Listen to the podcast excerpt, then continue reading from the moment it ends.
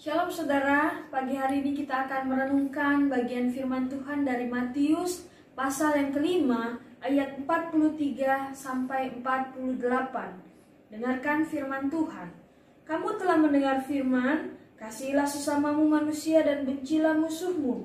Tetapi aku berkata kepadamu, kasihilah musuhmu dan berdoalah bagi mereka yang menganiaya kamu. Karena dengan demikian kamu menjadi anak-anak Bapamu yang di sorga yang menerbitkan matahari bagi orang yang jahat dan orang yang baik dan menurunkan hujan bagi orang yang benar dan orang yang tidak benar. Apabila kamu mengasihi orang yang mengasihi kamu, apakah upahmu? Bukankah pemungut cukai juga berbuat demikian? Dan apabila kamu hanya memberi salam kepada saudara-saudaramu saja, apakah lebihnya daripada perbuatan orang lain? Bukankah orang yang tidak mengenal Allah pun berbuat demikian? Karena itu haruslah kamu sempurna sama seperti Bapamu yang di surga adalah sempurna.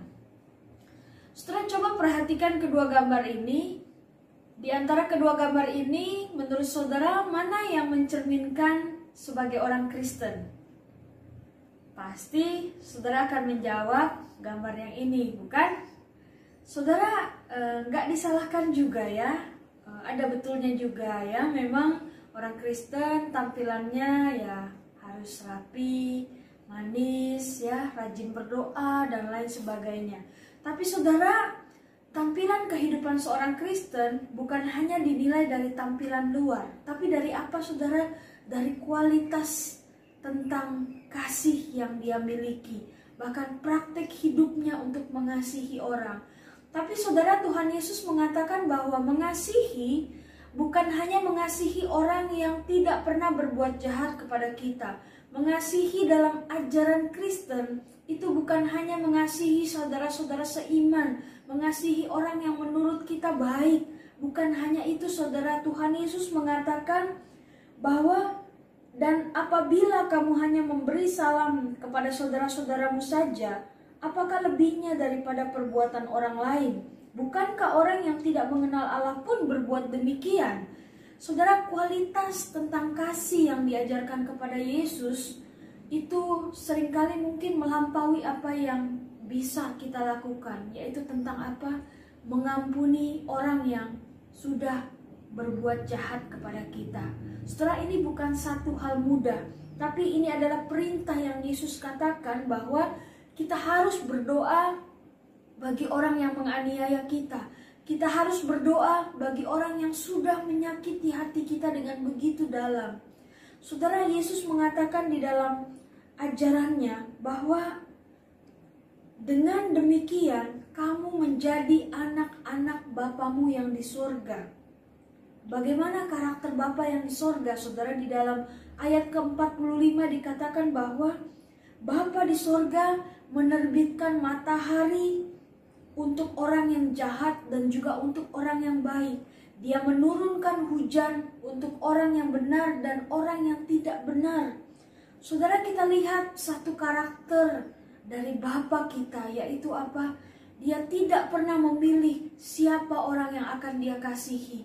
Bahkan orang yang paling jahat pun Allah mengasihi saudara. Dia tidak pernah membuang orang yang sudah menyakiti hatinya begitu dalam Bahkan dia memberikan Tuhan Yesus Kristus sebagai ganti untuk kita manusia yang berdosa yang sudah menyakiti Allah. Saudara yang terkasih di dalam Tuhan, kasih Allah, kasih yang sudah Allah tunjukkan kepada kita itu begitu luar biasa.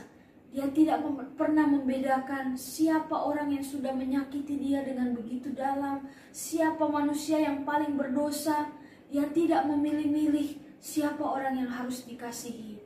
Saudara, harusnya ini menjadi satu pemikiran yang baik bagi kita sebagai orang Kristen. Yaitu sering kali kita sudah mengerti kasih yang Yesus tunjukkan untuk semua orang, bahkan semua orang berdosa. Tetapi sering kali apa yang keluar dari kehidupan kita kepada sesama kita yang sudah menyakiti kita, kita menyimpan dendam, kita menyimpan amarah itu dengan begitu lama, bahkan kita sulit mengeluarkan pengampunan untuk orang yang mungkin sudah menyakiti hati kita dengan begitu dalam.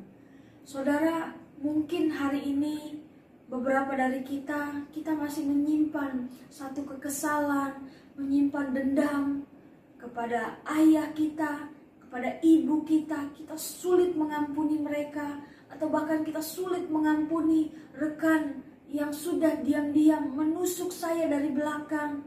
Saudara, mari kita lihat kasih yang sudah Allah tunjukkan kepada kita. Dia mau mati untuk kita manusia yang berdosa. Kenapa harus ada penghakiman? Kenapa harus ada rasa dendam kita simpan? Karena saudara-saudara yang mungkin sudah menyakiti hati kita. Saudara, mari berikan pengampunan itu hari ini. Lihatlah kasih Allah yang sudah menebus engkau dan saya, orang yang berdosa. Mari kita berikan kasih yang nyata kepada orang yang sudah menyakiti hati kita. Mari berikan pengampunan.